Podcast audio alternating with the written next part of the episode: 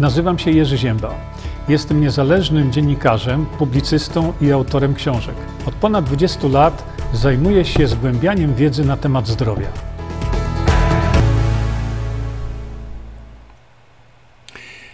Dzień dobry, witam wszystkich bardzo serdecznie. E, stream dzisiejszy, tak jak pokazałem Państwu już w tytuliku samym, medyczne czary mary. E, do tego oczywiście za chwilkę dojdziemy.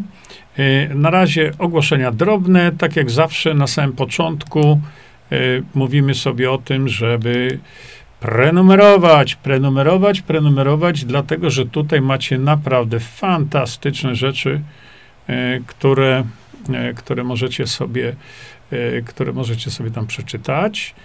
I teraz co jeszcze? Mm, jeszcze tak.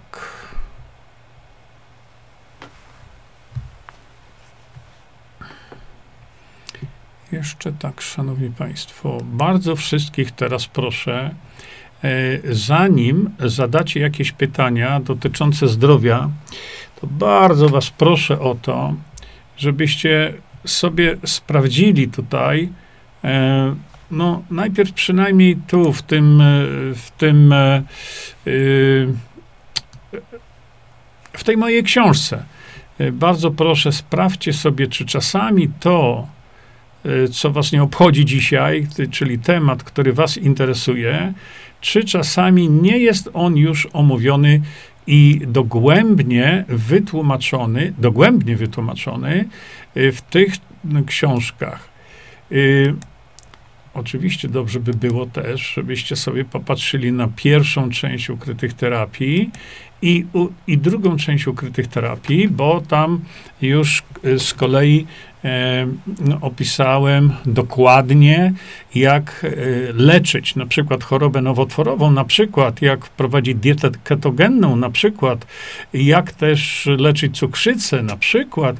Również tam opisałem przede wszystkim to, co wiele osób nurtuje, a więc e, opisałem to, jaki sposób przygotować wlew z askorbienianu sodu, bo E, tutaj było sporo takich nieporozumień e, pod moim wpisem, gdzie, e, gdzie ten nasz aniołek dostawał aniołka.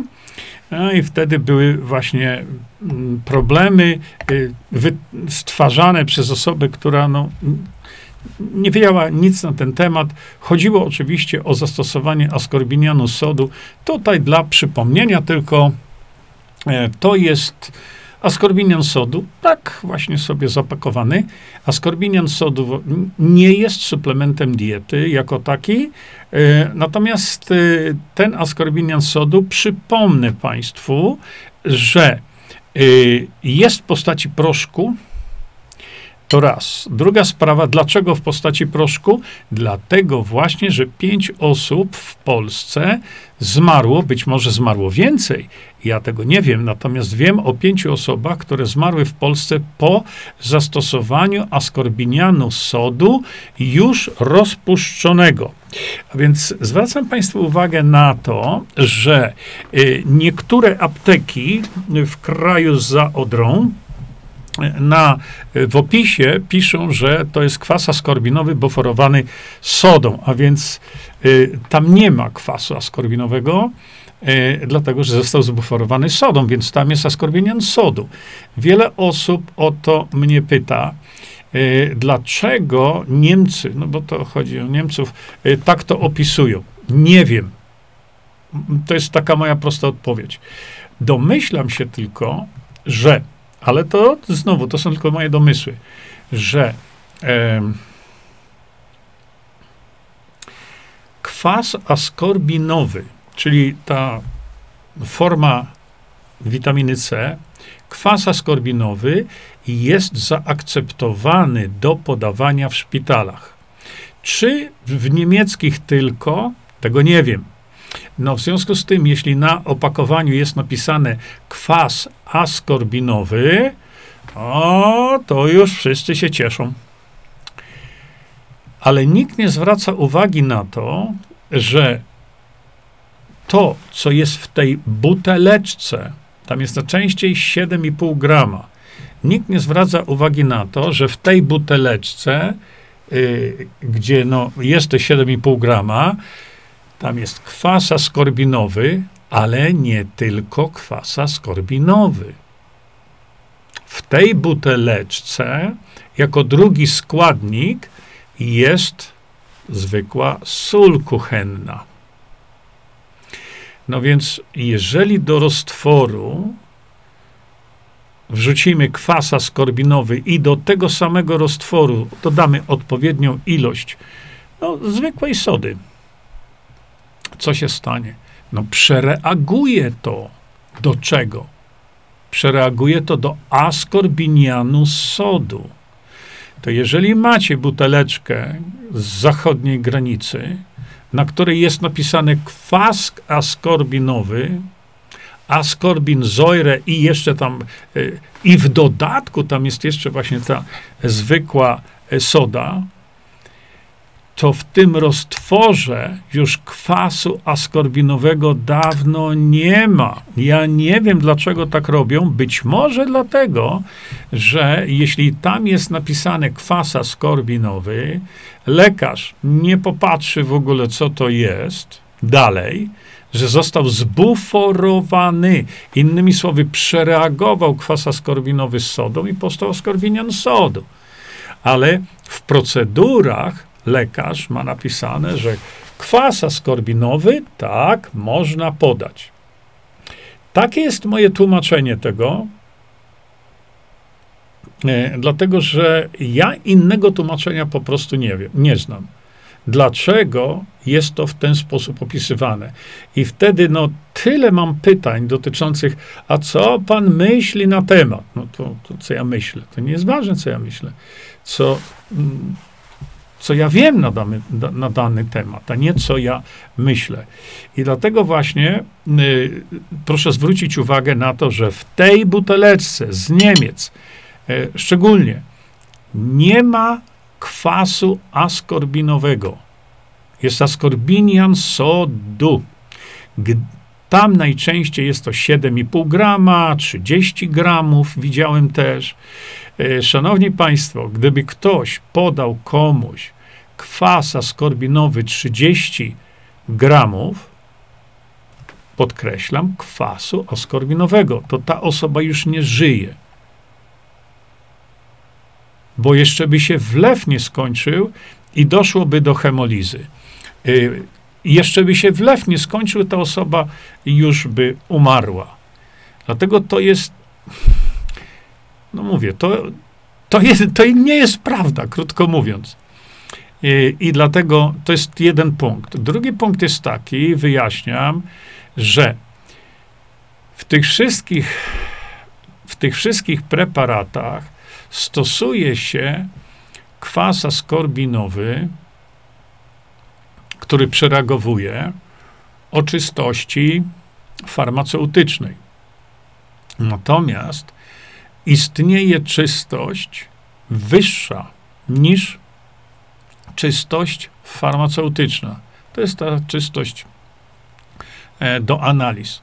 W tym przypadku, w tej buteleczce, mamy już gotowy askorbinian sodu o czystości wyższej niż wersja farmaceutyczna, ale ten askorbinian sodu jest w postaci proszku. Dlaczego?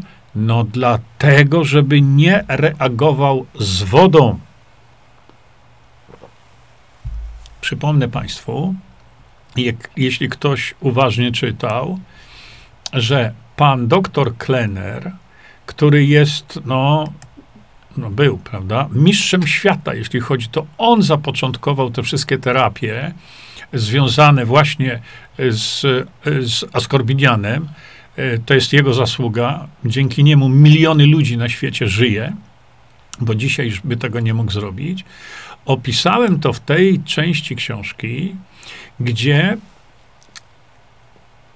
e, pielęgniarka e, doktora, doktora Klenera, to ona zauważyła, że kiedy ten roztwór trzymany jest zbyt długo, to zaczyna ciemnieć.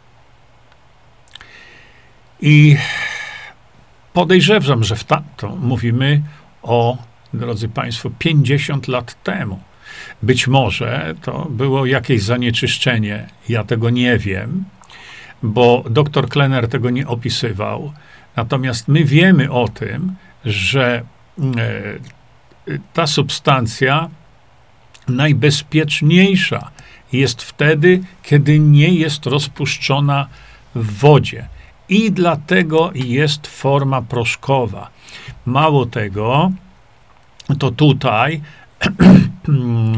w tym produkcie, bo to nie jest w żadnym przypadku suplement diety w, i nie jest w zakładce suplementy diety, absolutnie nie. W tym produkcie, tak jak powiedziałem, mamy najczystszą wersję, czystszą niż wersja farmaceutyczna, plus tutaj przy produkcji jest wstrzykiwany e, azot. Azot po to, że nawet ten proszek, żeby on e, nie wchodził w żadne, e, w żadne e, reakcje chemiczne. Natomiast ten produkt został przebadany przez odpowiednie laboratorium po to, żeby stwierdzić, że po rozcieńczeniu rozpuszczalnikiem czy tam dzieją się jakieś zjawiska mikrobiologiczne. No i badania tego, e, tego roztworu wskazują na to, że jest perfekcyjnie czysty i do żadnych, e, żadnych e, jakbym powiedział, żadnych efektów takich nie dochodzi. Dlatego powstały takie pytania właśnie i tak dalej, że E, ktoś ten tam napisał, że te środki z apteki przechodzą przez rygorystyczne badania. To czemu pięć osób zmarło? Hmm? Skoro e, rygorystyczne badania. Ja zadałem pytanie, na czym te rygorystyczne badania polegają. No, ta osoba nie wiedziała, dlatego wykorzystuję tutaj ten momencik właśnie, żebyście, żebyśmy sobie to y, wyjaśnili. No i oczywiście teraz, kiedy rozpoczynamy sobie nasze spotkanie, a, drodzy Państwo, wieczór, czyli tak to robimy, w południe pijemy sobie Wisantol, a wieczorkiem e, pijemy sobie e, Tranol. Czyli mamy tutaj do czynienia z unikatowym też suplementem, który dostarcza nam Y, który dostarcza nam kwasów tłuszczowych typu omega-3. Bardzo proszę zwrócić uwagę, ci z Państwa, którzy są nowi, że skład tego suplementu, bo to jest suplement diety, skład tego jest unikatowy. No, nigdzie, w żadnej aptece takiego składu nie znajdziecie, ani też nie znajdziecie tego w takiej formie. Dlatego właśnie pokazuję, dzisiaj wieczorkiem sobie tu wymierzamy to precyzyjnie odmierzoną aptekarską dawkę, żebyśmy już sobie tutaj mogli to wypić. No i sobie wypijamy.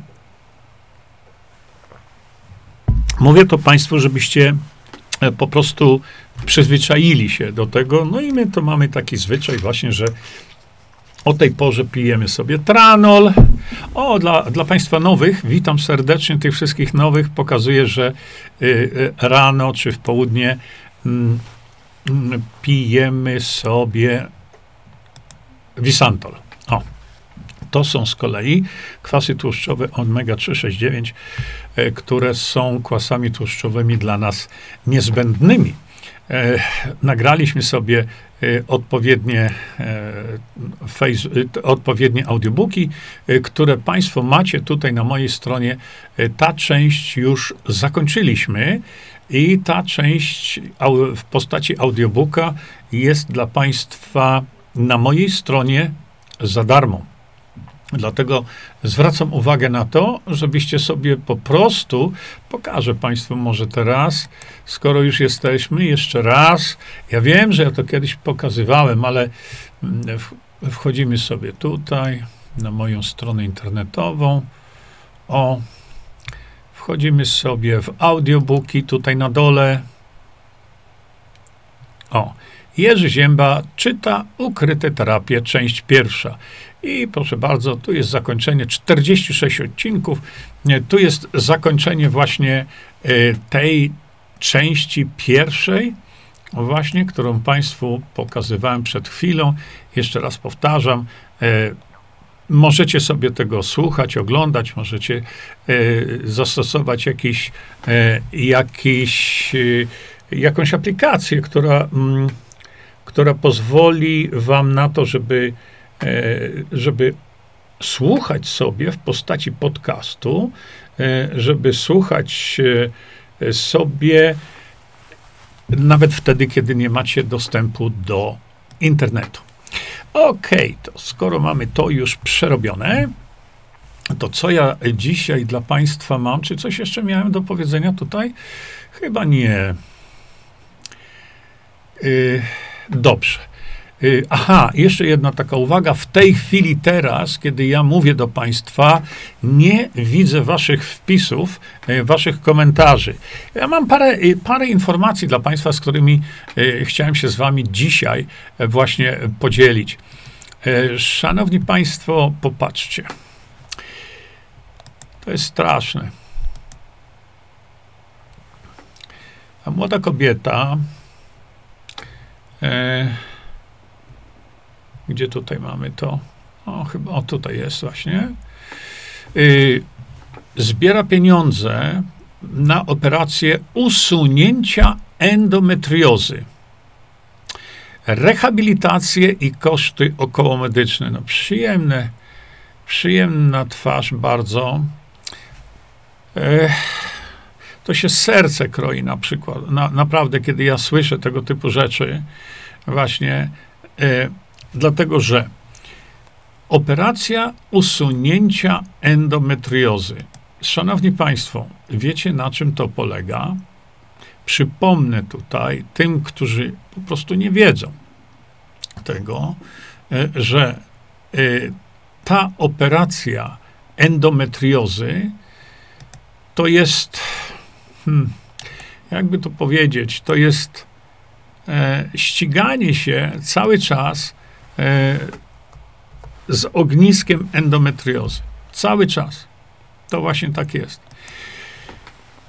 Macica u kobiety ma taką błonkę, która wyścięła, e, wyścięła e, macicę. I, i wtedy, mm, przepraszam, czekajcie, muszę tu jeden zrobić taki manewr tylko. No, bo coś się system wziął i zaciął. I wtedy, kiedy dochodzi do miesiączkowania, to komórki, które wyściełają macicę, one się złuszczają i wychodzą, prawda? W normalnym cyklu. Natomiast w przypadku endometriozy z jakiegoś powodu one migrują z, tego, z tej swojej pozycji wewnątrzmacicznej migrują poza macicę. No i oczywiście najczęściej osadzają się gdzieś tam w, w okolicach miednicy małej, tutaj brzucha. Nawet potrafią wyemigrować nawet do piersi. Kiedy przychodzi moment miesięczkowania, to te komórki rozumieją, że mają opuścić organizm kobiety. Ale jak mają opuścić? Jak znajdują się już poza, e, poza tą błodą endometrialną wewnątrz macicy. I temu towarzyszy przeogromny ból. To boli, bardzo boli. W związku z tym, jeśli pojawi się e, takie ognisko tych komórek gdzieś, gdzieś poza macicą, to wtedy się to fizycznie, chirurgicznie wycina. Po prostu. I kiedy to rozejdzie się, no to chirurg się ściga. I teraz proszę popatrzcie.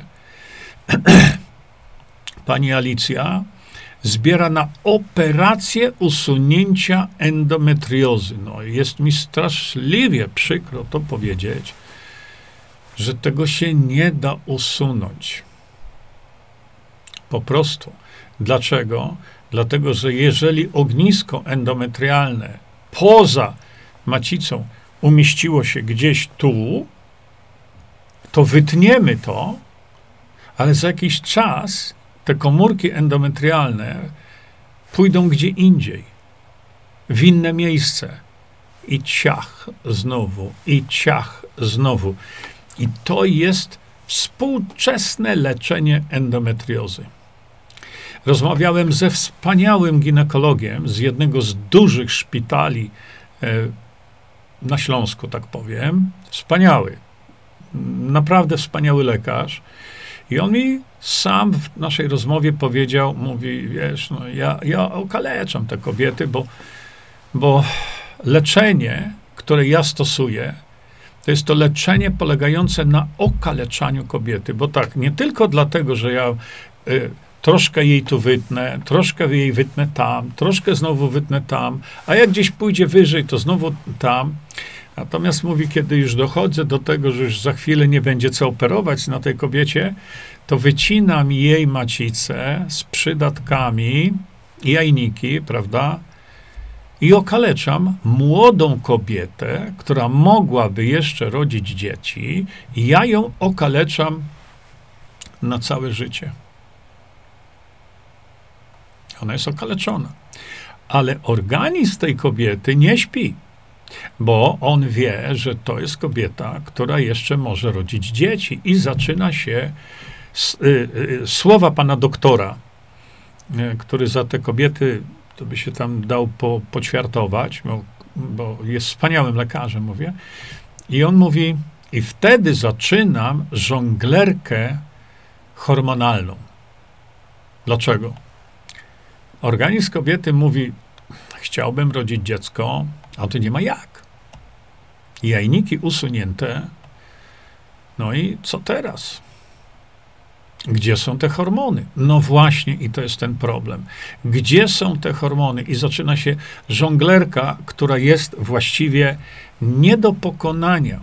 Natomiast czy endometrioza jest w związku z tym nieuleczalna? No absolutnie nie. Szanowni Państwo, na mojej stronie internetowej, ja tego teraz oczywiście nie będę Wam e, emitował, ale na mojej stronie internetowej zrobiłem cały film na ten temat. Endometrioza nieuleczalna? Widzicie? Endometrioza nieuleczalna. Ja tego oczywiście nie będę wam tu e, tego puszczał, tylko zaznaczam państwu, że endometrioza wyleczona może być. E, czy jest to mm, stuprocentowe? No, ja nie wiem. Ja nie wiem, czy to jest stuprocentowe, ale e, endometrioza, ponieważ widzicie, jest e, pewnego rodzaju zaburzenie metaboliczne, tak? No bo organizm troszeczkę, można powiedzieć, zwariował i te komórki endometrialne wypuszcza cały czas na e, zewnątrz organizmu, na zewnątrz macicy, krótko mówiąc. To czy wy myślicie, że poważnie którykolwiek lekarz zatrzyma odpływ tych komórek, ich migrację poza macicę zatrzyma skalpelem? Jak? No jak? Już tego się nie da tak zrobić. Dlaczego ten temat poruszam? Dlatego, że to jest schorzenie, które nęka naprawdę ogromną liczbę pań. Panowie oczywiście tego problemu nie mają, mają inne, ale ale tutaj nasze panie wielokrotnie są nękane przez, e, przez to schorzenie. I dlaczego powiedziałem i zrobiłem ten cały filmik? No tam sobie osoby zainteresowane, e, bardzo proszę na to popatrzeć, bo naturalnie ja rozumiem, że e, no, rozmawiamy tutaj na temat schorzenia które niekoniecznie y, stosuje się, czy niekoniecznie jest y, y, objawem zainteresowania zebranych tutaj panów, no i pań, prawda? Dlatego tutaj macie rozwiązanie. Dlaczego o tym mówię? Dlatego, że już osiem kobiet osiem kobiet zgłosiło mi, że pozbyły się endometriozy. No jak, przecież to jest nieuleczalne, e, niewyleczalne i tak dalej. E, one pozbyły się endometriozy poprzez zwykłą suplementację. Czy suplementacji, y, suplementacja leczy endometriozę? No która, jaka? No tak nie ma. Ale co było ciekawe i proszę, wierzcie mi na słowo, nigdy nie oczekiwałem y, takich y, doniesień. Nigdy. Kiedy był stworzony jodolit. Jodolit był stworzony po to, żeby ludzie, którzy szaleją y, z płynem Lugola i piją ten płyn Lugola buteleczkami, mogą zrobić sobie ogromną krzywdę. Naprawdę.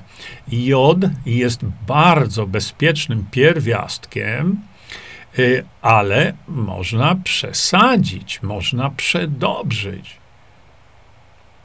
E, I to też tak dla przypomnienia może, y, w tej części ukrytych terapii opisałem wam, jak działa jod, jak również opisałem, jakie były efekty terapeutyczne jodu przy leczeniu tarczycy. To jest zupełnie inny problem. Chociaż y, to się łączy z, z endometriozą w pewnym sensie. I tutaj macie to wszystko dokładnie opisane. Natomiast y, zastanawiałem się nad tym, co tu zrobić, żeby oni, y, ci ludzie, którzy tam jest cała grupa taka internetowa, y, grupa jodowa i tak dalej, to jest dramat, co ja tam oglądam. Są nie tylko na polskich stronach, bo patrzę no, na, na angielskojęzyczne, bo tam innych języków za bardzo nie znam. E, co tam ludzie potrafią wyczyniać, to naprawdę jelita się prostują e, z przerażenia w pewnych przypadkach. I dlatego postanowiłem dawno, dawno temu, że trzeba zrobić suplement, który by organizmowi, każdemu, nie organizm kobiety chodzi, ale każdemu organizmowi, mężczyzny też, e, żeby dostarczyć mu substancje, które biorą udział w prawidłowym metabolizowaniu jodu. I wtedy y, to było z myślą o tych szaleńcach, którzy tam ten jod piją buteleczkami, czy też go korzystają z niego w bardzo dużych ilościach. I wtedy właśnie powstał jodolit. Ale y, jodolit powstał, y, to jest złożenie E, substancji, które właśnie sprzyjają temu, że organizm metabolizuje w sposób właściwy jod, ale w jodolicie jodu nie ma, bo jod dobiera się indywidualnie.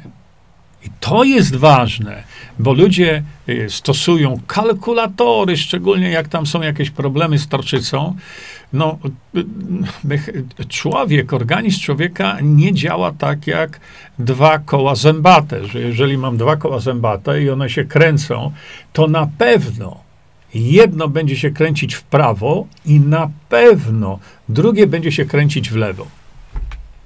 Takie mechanistyczne podejście jest bardzo niewłaściwe, bardzo, ale to wynika też z tak zwanych protokołów. Y, który się stosuje, bo ludzie uwielbiają, medycy też, protokoły. Ja jestem absolutnym wrogiem, bo człowiek nie działa tak, jak prosta maszyna dwa koła zębate. Y, I dlatego, drodzy Państwo, kiedy ja słyszę, że jest to nieuleczalne i tak dalej, to skąd się wyleczyły te kobiety? A wiele z nich stosowało, uwaga, tylko jodolit a jodu nie stosowały. Są oczywiście panie, które stosowały jodolit i płyn Lugola tak samo, ale e, chyba pierwszych sześć doniesień, jakie ma, miałem od tych pań, to stosowały tylko jodolit. Czy jodolit jest lekiem na endometriozę w związku z tym? Nie jest. Nie jest. Jodolit jest suplementem diety, a suplementy diety nie są lekami. To tylko prokuratura tak potrafi wymyślać takie rzeczy.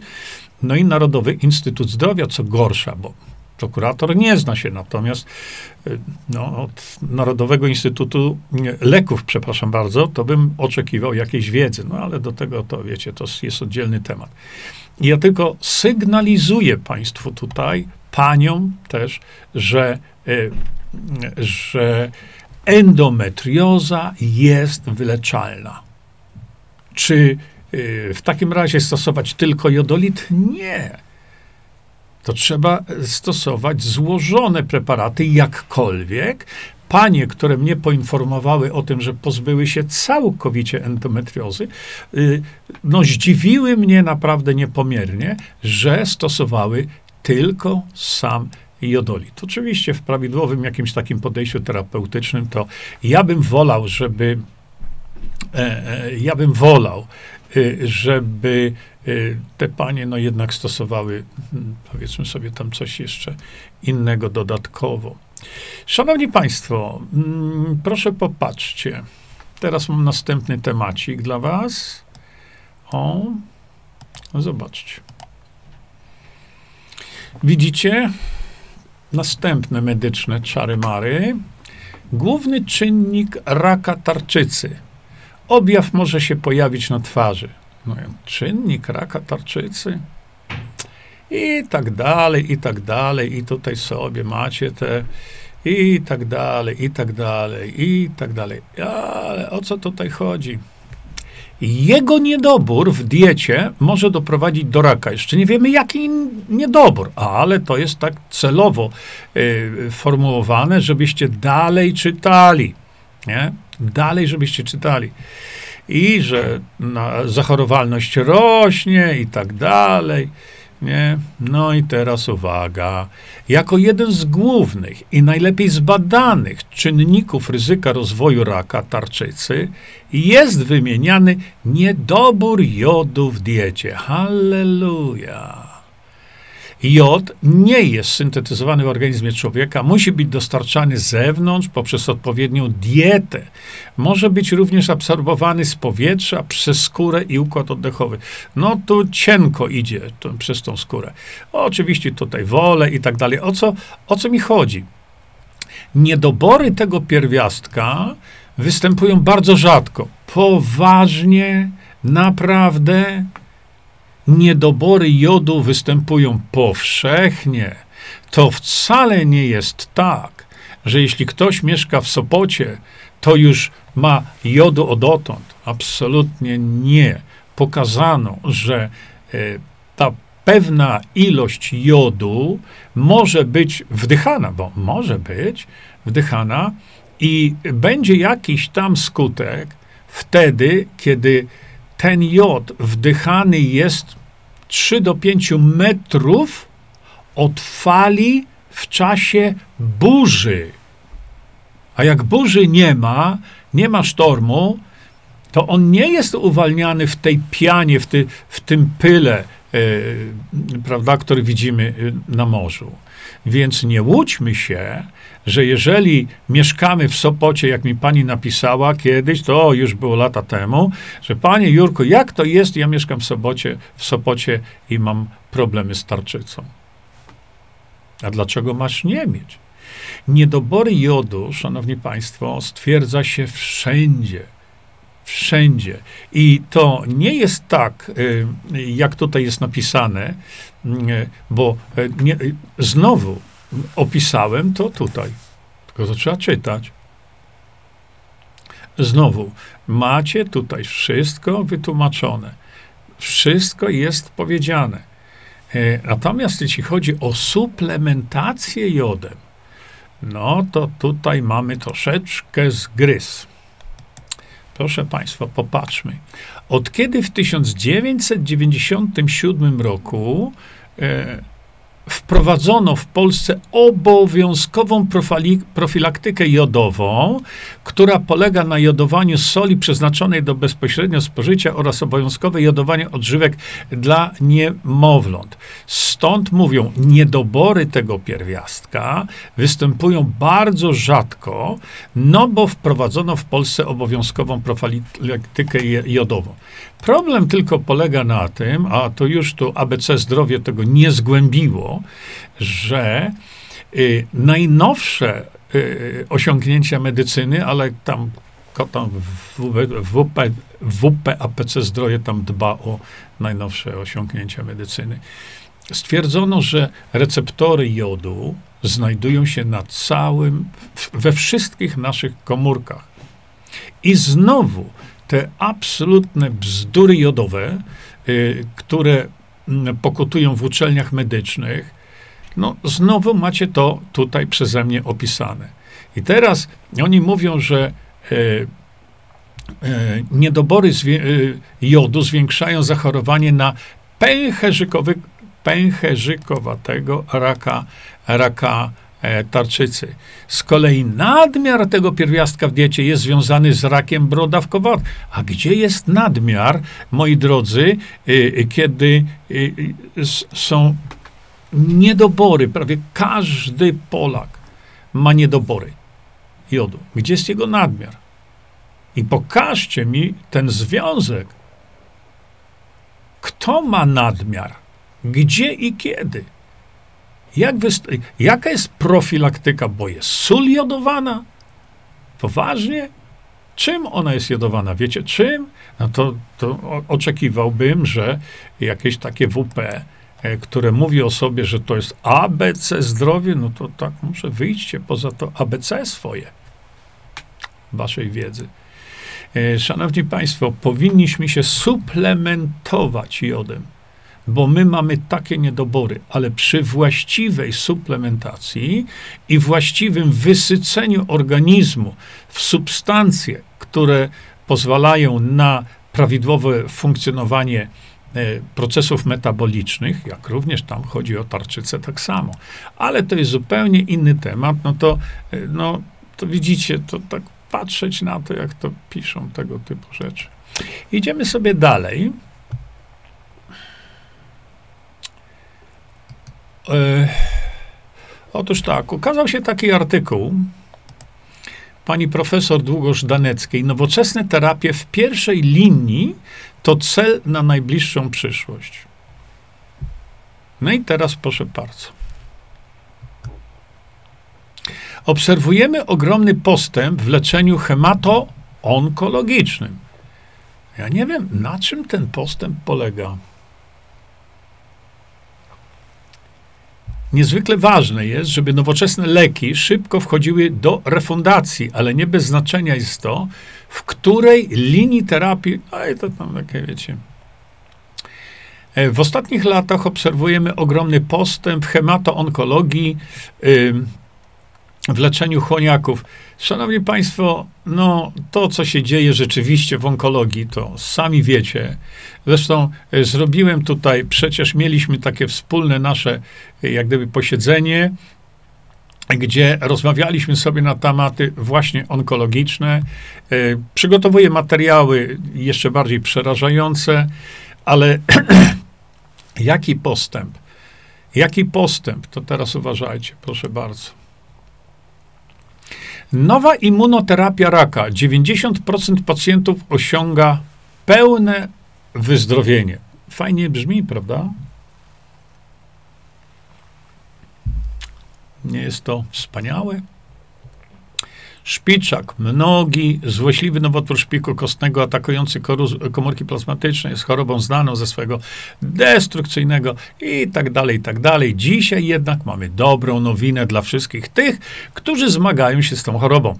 Nowo opracowana immunoterapia wynaleziona w szpitalu uniwersyteckim w Würzburgu w Niemczech przynosi nadzwyczajne rezultaty. Aż 90% pacjentów doświadcza pełnego wyzdrowienia.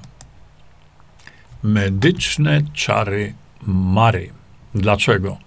Dlatego, że nie napisali tego, ile osób rezygnuje z tej immunoterapii hmm? w czasie immunoterapii. A są źródła, mu, które mówią, że nawet do 50% osób podawanych immunoterapii, właśnie tego typu, nie wytrzymuje tej immunoterapii.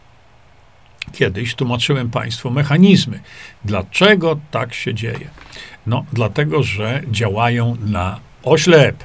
Może nie tyle na oślep, bo, bo raczej nie.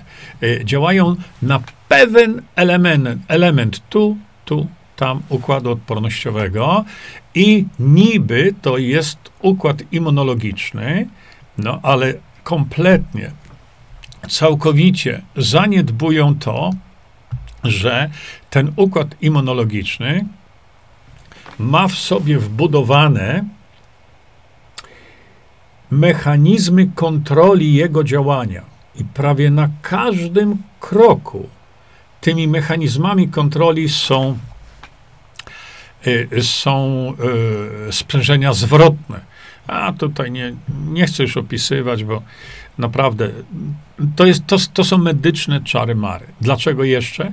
Ano dlatego właśnie, już nie będę Państwu tam teraz pokazywał jeszcze raz tego samego, ale dlatego właśnie, że e, mm, jakby to powiedzieć, jeżeli naruszymy którykolwiek z tych elementów e, w układzie, e, w układzie odpornościowym naszym, to będzie cała kaskada następujących po sobie zjawisk. A tego ta immunoterapia nie bierze w ogóle pod uwagę. I dlatego jest takie potężne, e, taki odsiew. Jest jeszcze druga sprawa, tak samo, bo to nie jest to tylko taka no, jedyna rzecz. Y, z tego wszystkiego. A mianowicie o co chodzi? Chodzi o to, że e, chodzi o to, że w, pamiętacie te filmy, których zrobiłem chyba, nie wiem, z pięć? Czy chemioterapia leczy raka? To wszystko jest na mojej stronie internetowej. I tutaj trzeba się zastanowić nad tym, dlatego że, proszę popatrzcie, jeżeli my mówimy i społeczeństwu przedstawiamy y, taką informację, o, jak tutaj, 90% pacjentów osiąga pełne wyzdrowienie. Co to jest 90% i jak to się liczy? No. Czy to czasami przekazanie tego typu informacji to nie jest medyczne takie czary-mary? Bo Czym nazywa się sukces w onkologii? Sukces w onkologii jest wtedy, kiedy od momentu diagnozy,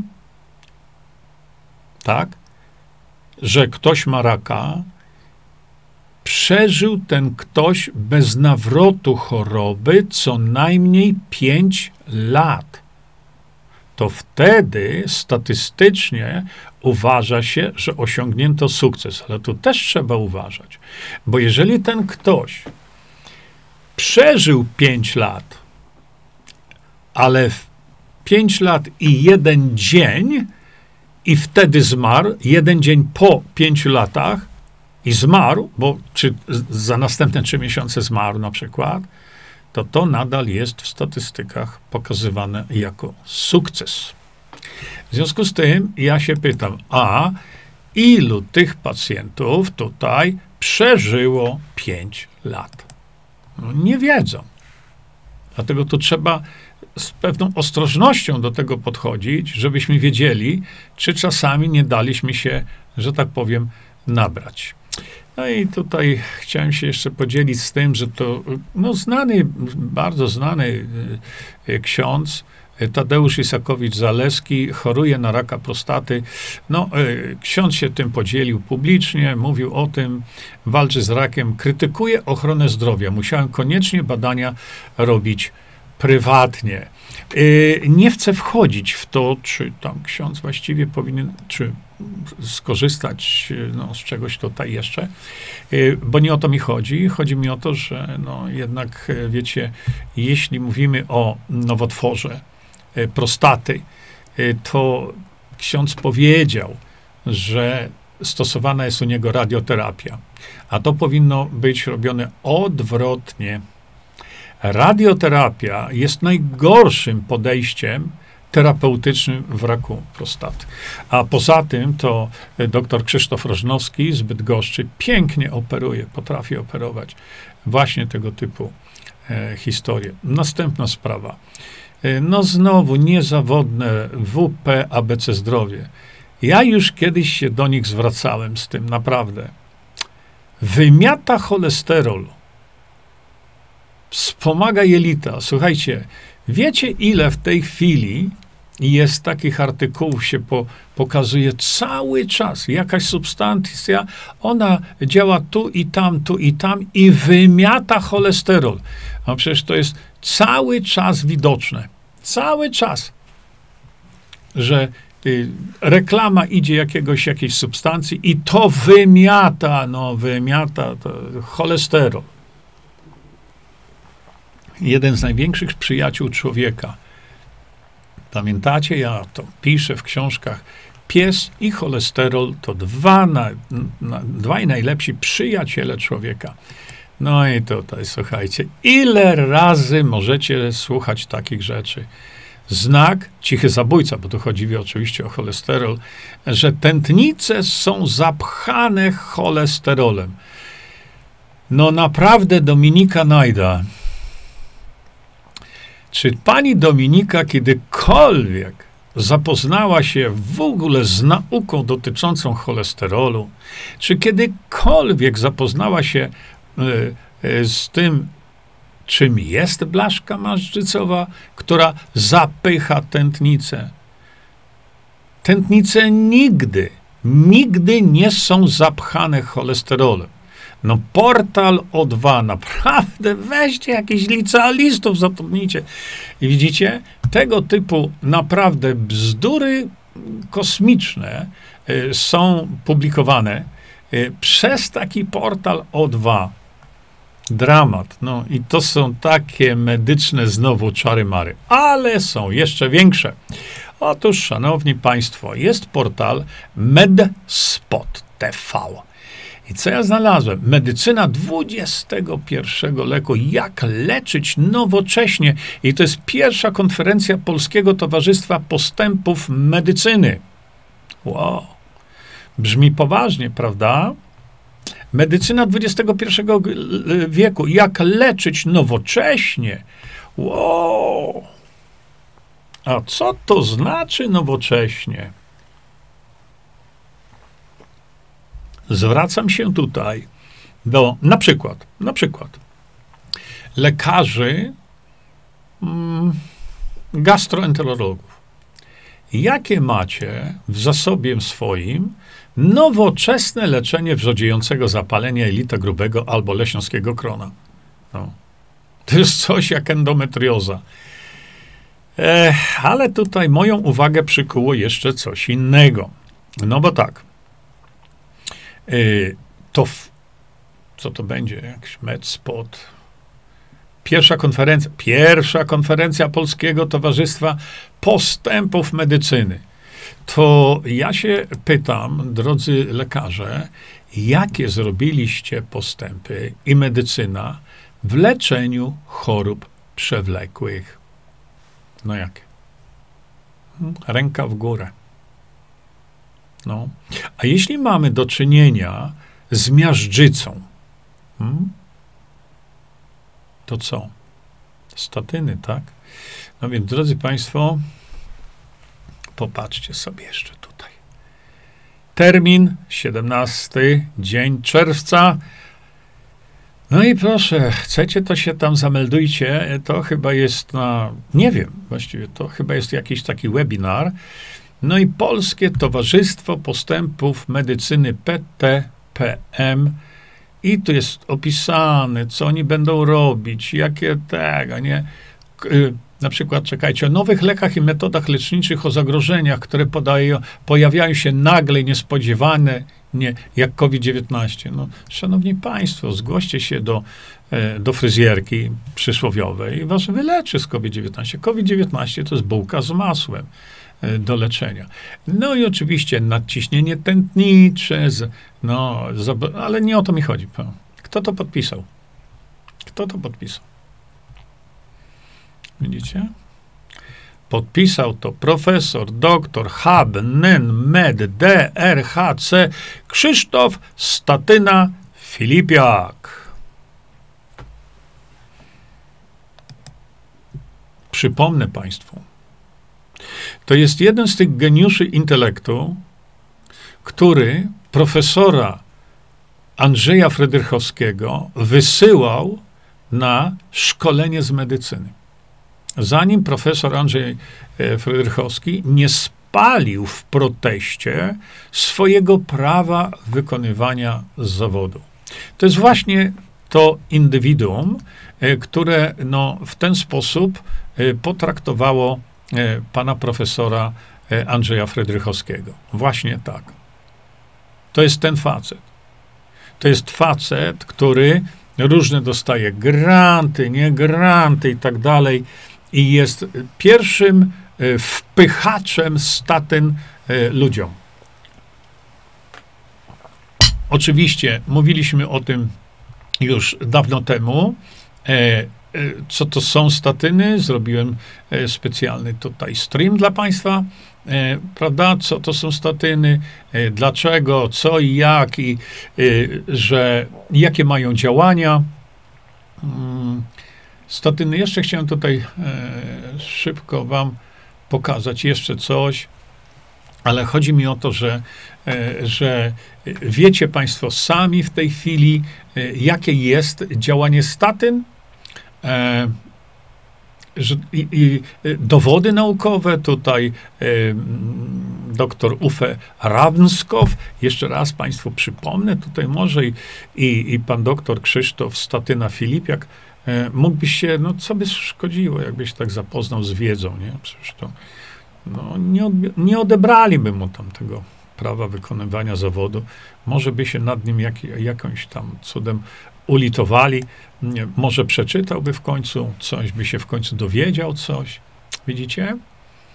Tutaj właśnie o to chodzi, że e, tutaj dr Uwe Ravnskow e, udowodnił, pokazał i udowadnia to cały czas, pokazał właśnie, y, że co się naprawdę dzieje ze statynami. Mało tego, dr Uwe Ravnskow założył całe takie stowarzyszenie. O tutaj, proszę bardzo, może pan profesor zastanowi się chwilę nad tym, żeby no, pomyśleć, co z tym cholesterolem jest i żeby tymi statynami w ludzi, biednych ludzi chorych, tak nie walił. Y, tutaj, proszę bardzo, to jest cała literatura dotycząca właśnie tego zagadnienia. E, niemniej jednak y, dla mnie jest ważne to, że to jest ta kreatura, która, która wysyłała pana profesora Andrzeja e, Frydrychowskiego do, do uczenia się z medycyny. Tak. Profesor belwederski, który wychował takich filipiaków masę może nawet. Wiecie, to jest właśnie coś, co jest po prostu obrzydliwe, no ale e, trudno, uhaha, i już w ten sposób tu nie będziemy wchodzić w to. Szanowni Państwo, mm, co ja chciałem. Aha, jeszcze miałem tutaj ciekawą taką rzecz mm, dla Was. Moment, bo mi się tylko tu wziął i zapodział. O, proszę bardzo. Opisałem w pierwszej części ukrytych terapii, gdzie w wielu przypadkach zastosowanie tylko witaminy C. Dzisiaj możemy to ob obłożyć w całą terapię. Mamy jak, prawda? Mamy wiedzę na ten temat, ale nie. Zobaczcie teraz. Szczepionka na raka trzustki z sukcesami. Tak uratujemy tysiące żyć. Widzicie? To się po prostu w głowie nie mieści. E, e, dlatego ten świat idzie, cały czas idzie w kierunku e, szczepionek. Dlaczego? Bo tam jest kasa. W tej chwili coraz mniejsza kasa jest w środkach chemioterapeutycznych. Coraz więcej osób na świecie rezygnuje z chemioterapii. O radioterapii to to już jest dopiero wybryk natury, naprawdę. No ale Proszę popatrzcie, teraz wam coś pokażę. Uważajcie.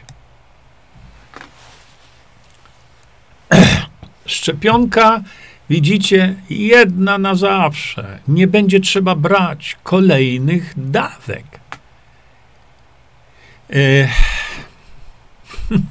Dobra, zajmijmy się najpierw tym tutaj. E, to jest na portalu focus.pl.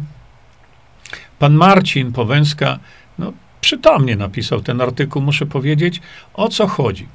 E, no, pan Marcin pisze wkrótce, o, może to zrobimy tak. Wkrótce może się to. E, uniwersalna szczepionka przeciwko grypie od dawna jest marzeniem immunologów. A dlaczego nie wirusologów? Jestem ciekawy. No ale pomińmy ten temat. Ale wciąż nie udało się jej stworzyć.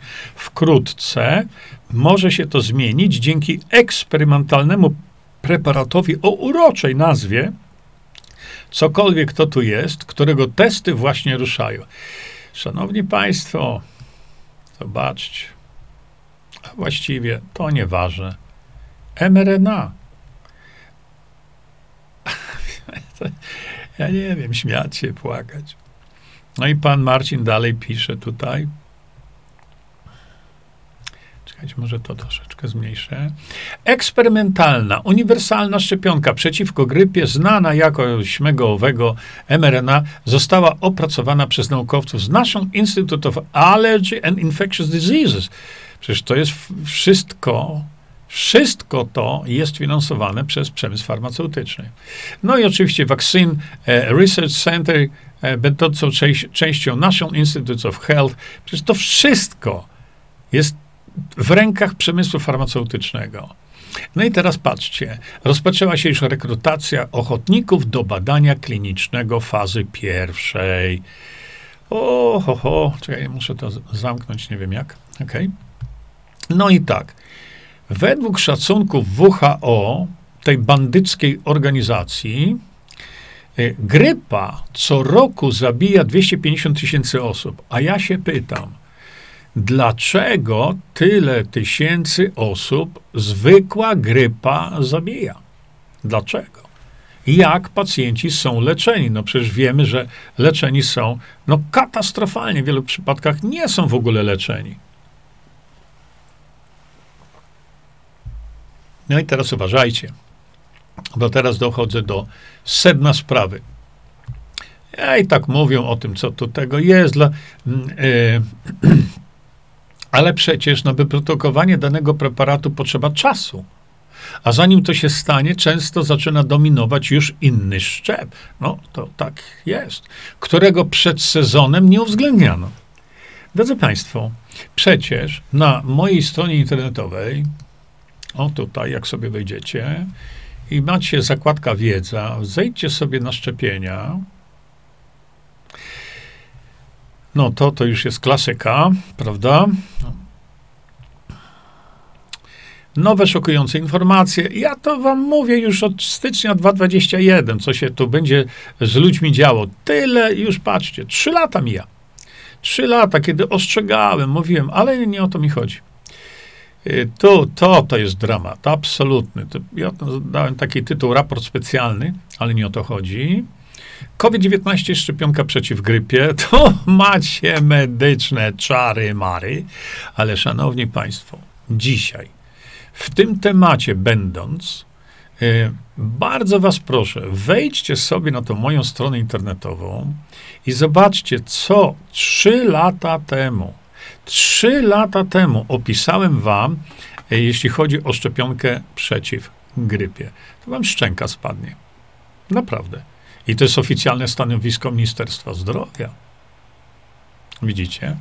Ale przejdźmy jeszcze na chwilę do tego artykułu tutaj. E, chciałem, co to ja chciałem wam pokazać. Czekajcie, bo to jakaś reklama o show.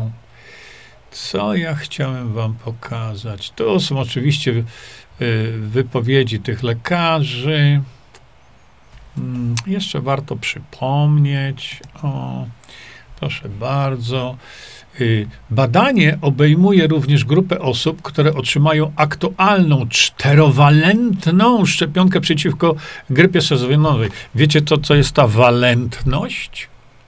To jest właśnie to, że mm, są cztery, y, ta szczepionka niby ma te y, antygenne, cztery różne szczepy. No i to jest ta walentność. Czekajcie, bo tutaj e, dostałem dzisiaj do napicia coś takiego ciekawego. Zaraz będę to pił. To jest chyba sok z buraka. Ale chciałem Państwu jeszcze coś innego pokazać. No i proszę bardzo. W badaniu klinicznym fazy 1 weźmie udział aż do 50 zdrowych chodników w wieku 18-49. O, poważnie? Ale przecież ta szczepionka, tak samo jak i ta teraz, była wpychana przez nos osobom chorym.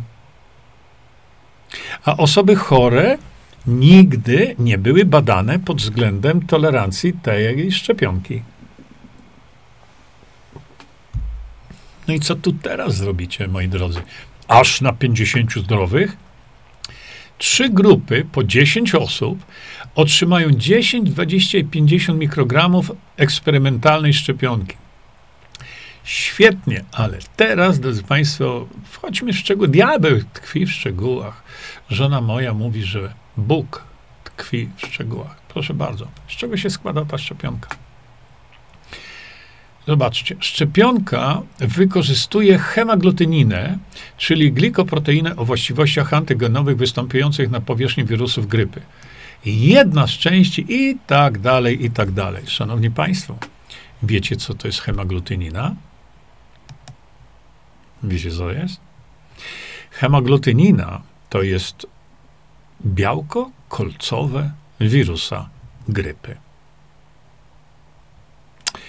A przecież my wiemy, że to nie wirus jest groźny, tylko to białko kolcowe.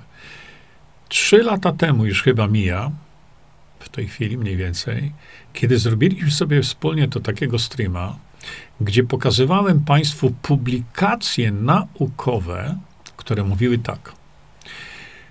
Hemaglutynina wprowadza wirusa do, e, do komórki. I dlatego nauka w tej chwili usilnie pracuje nad, uważajcie, inhibitorami hemaglutyniny. To o co tu chodzi? Następne medyczne czary-mary? O co tu chodzi? Mamy hemaglutyninę, gdzie y, są artykuły pisane, trzeba pracować nad inhibitorami, żeby ta, in, y, żeby ta hemaglutynina nie pojawiała się, bo to ona wprowadza wirusa. A jednocześnie teraz oni mówią, wykorzystuje się białko hemaglutynina, które wprowadza wirusa. No i co teraz? Bądź mądry i pisz wiersze, tak? Czy mnie to pozwolą media głównego nurtu powiedzieć publicznie? A przecież to jest oparte na publikacjach naukowych, na nauce. Czyli mamy do czynienia z substancją, gdzie szukamy inhibitora, a jednocześnie robimy szczepionkę, która działa na podstawie tej substancji. Mało tego, to popatrzcie jeszcze tu. Właśnie na to zwracam uwagę. Czyli to świństwo jest szczepionką mRNA. Co oznacza, że zawiera tylko materiał genetyczny wirusa, a nie jego samego, więc u osób zaszczepionej nie wywoła objawów choroby. No, już ktoś takie coś pisze, to, to są następne medyczne czary-mary. Jeżeli jest to szpryca typu mRNA, co to oznacza? To oznacza, że zmusza ona organizm do wytworzenia tego białka kolcowego. A przecież to przed białkiem kolcowym organizm się broni.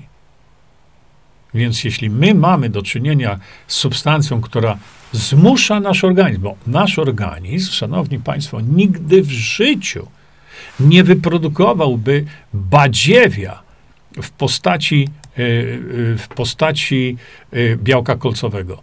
Nasz organizm nigdy w życiu by tego nie wyprodukował, bo natura zapobiega temu.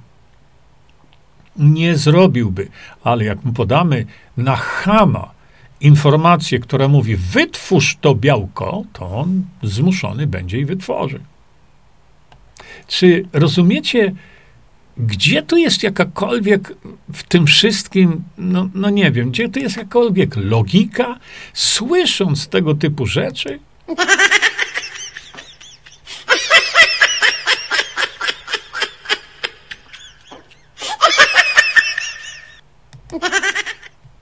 Jak to mówimy, nóż się w kieszeni otwiera, ale e, mamy do czynienia ze zdrowiem ludzkim.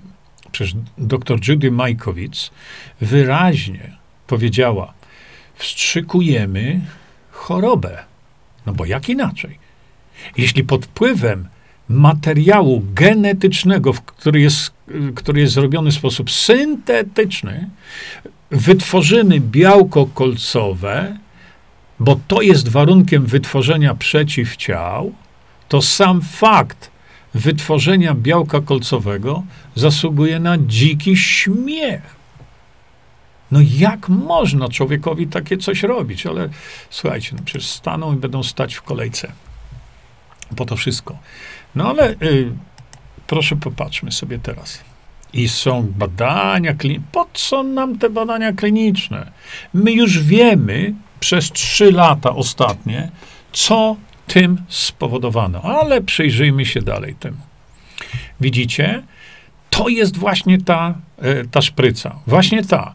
No i proszę popatrzcie, no to, to są badania służące do ewaluacji bezpieczeństwa i immunogenicity y, pojedynczej dawki, pojedynczej dawki u zdrowych osób. Widzicie? U zdrowych osób, u dorosłych zdrowych osób. Jeżeli to dojdzie do fazy trzeciej i tak dalej, to idę o zakład, że będą to wciskać dzieciom, kobietom w ciąży, osobom chorym, osobom starszym. Skąd ja to wiem? No bo przecież ostatnie trzy lata to pokazały.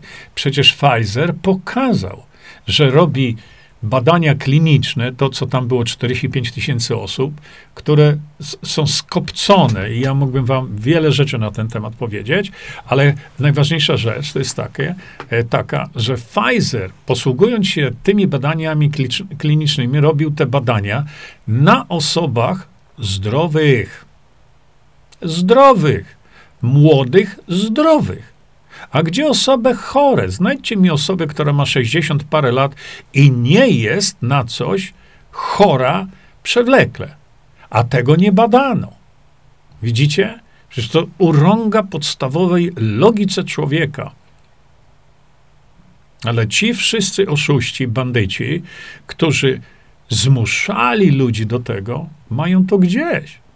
Najważniejsza jest kasa, żeby sprzedać to. A tutaj macie wyraźnie to samo pokazane. Widzicie? Oni to jest dopiero pierwsza faza, a więc e, jeszcze e, mm, niczego nie zakończyli, tak prawdę mówiąc, ale idźmy sobie dalej. Proszę bardzo. I proszę bardzo, za rok, widzicie? Za rok oni już mówią, że za rok to już będzie koniec tych badań za rok. Badań, które używają modyfikacji, modyf y, genetycznie zmodyfikowanego materiału. Badań, które już dzisiaj wiemy, są w stanie, y, te substancje są w stanie uszkodzić gospodarkę genetyczną człowieka. To już dzisiaj wiemy. Jest to potwierdzone. A skoro tak, to amerykańskie FDA wyraźnie mówi, ja to kiedyś Państwu pokazałem, może jeszcze kiedyś pokażę. E, skoro tak, to amerykańskie FDA mówi wyraźnie, że jeżeli jest stosowany materiał genetyczny, to badania trzeba robić i obserwować tych ludzi co najmniej 15 lat. To kto to łamie przepisy gigantycznie? No, Widzicie, jak to jest? Szanowni Państwo, y, wspaniale nam się tutaj rozmawia, ale czas na to, żebyśmy się już pożegnali. Więc y, ja się z Państwem już w tej chwili żegnam. Do następnego razu. Y, miło mi się rozmawiało. Dziękuję bardzo za uwagę. E, do widzenia Państwu. Czyńmy dobro. Bądźmy dla siebie dobrzy, mili i pomagajmy sobie wzajemnie. Przekażcie tę informację dalej. Po więcej informacji na temat odporności naszego organizmu witaminy C zapraszam Was na moją stronę internetową jerzyzieba.com. Pamiętajcie, że wiedza to nie porada lekarska. Konsultujcie dolegliwości z lekarzami i stosujcie także jak najwięcej naturalnych metod.